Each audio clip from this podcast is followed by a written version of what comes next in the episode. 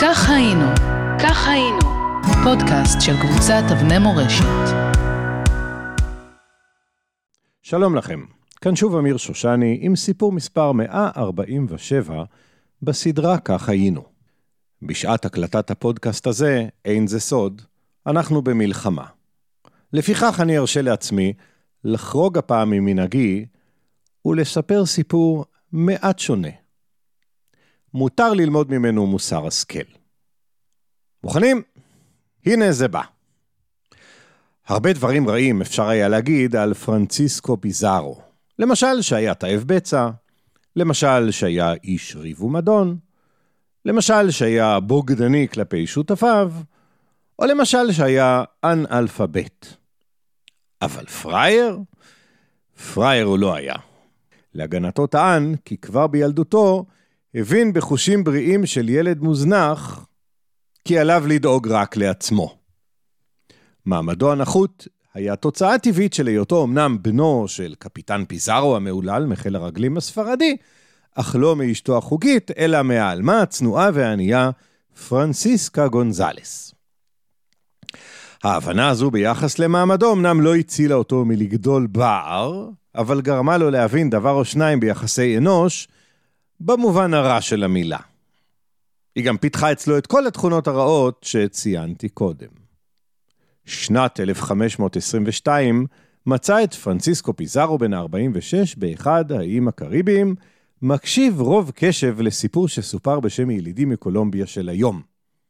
אלו סיפרו לספרדים סקרנים שפגשו אותם על ברו, ארץ דרומית בה קיימת ממלכה עשירה במיוחד.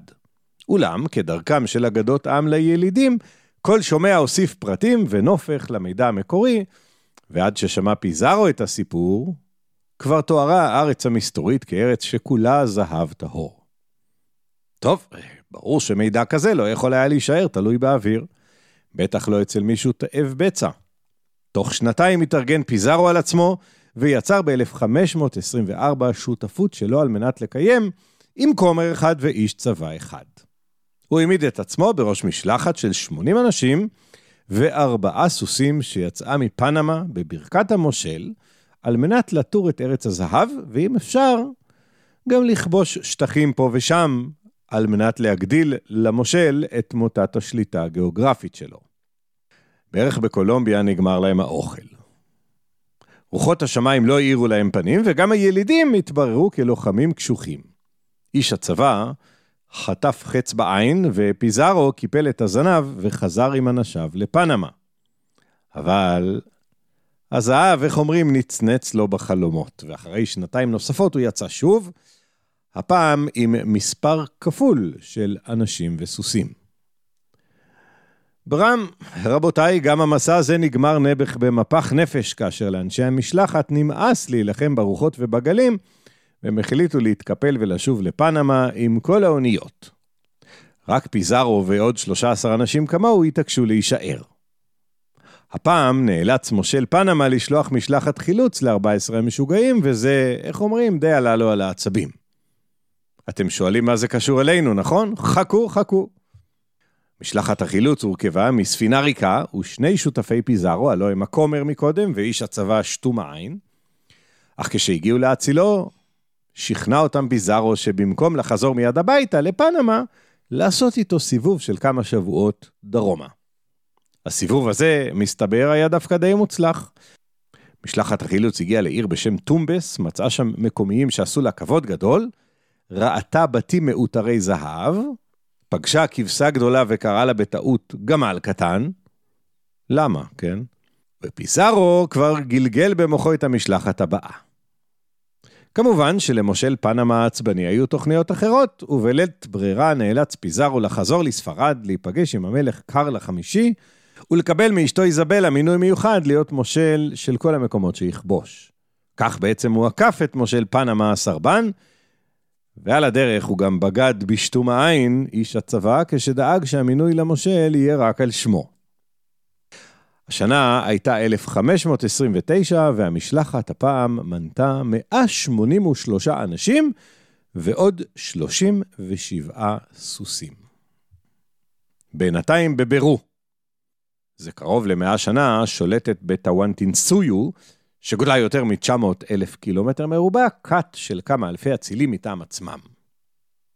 הם, בניה של השמש לדעתם, מנהיגם נוהג להתחתן עם אחותו כדי לשמור על תואר הגזע.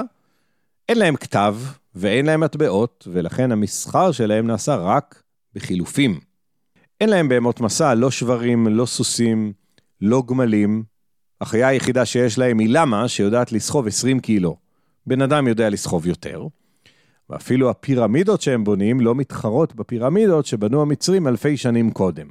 ובכל זאת, הם נחשבים חכמים במיוחד, חזקים מכל שכניהם, ומצליחים לא רק לשרוד בשכונה הבעייתית, אלא אף לשלוט באוכלוסייה שגדולה מהם פי כמה וכמה.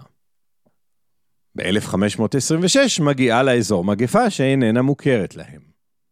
מנהיג האליטה המוצלח מאוד, ויינה קפאק, שכבר מולך באזור 33 שנים, נדבק במגפה, שוכב על ערש דווי ומכריז על בנו הבכור כיורשו.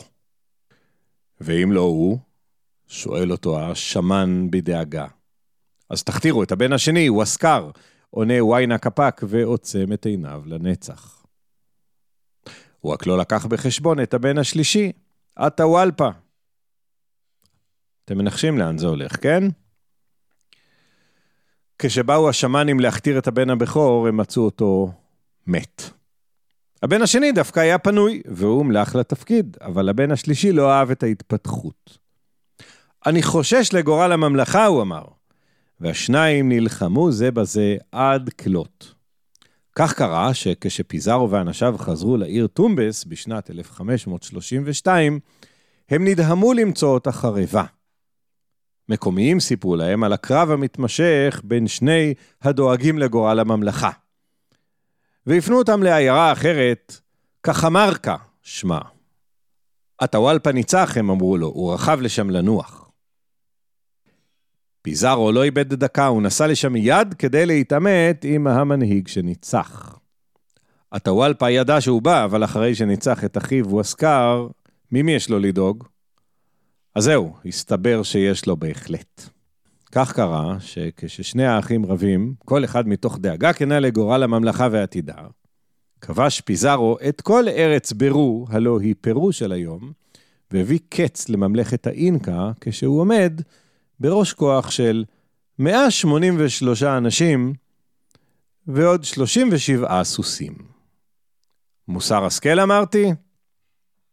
כל אחד יעשה לו את החשבונות לבד. כך היינו, כך היינו, פודקאסט של קבוצת אבני מורשת.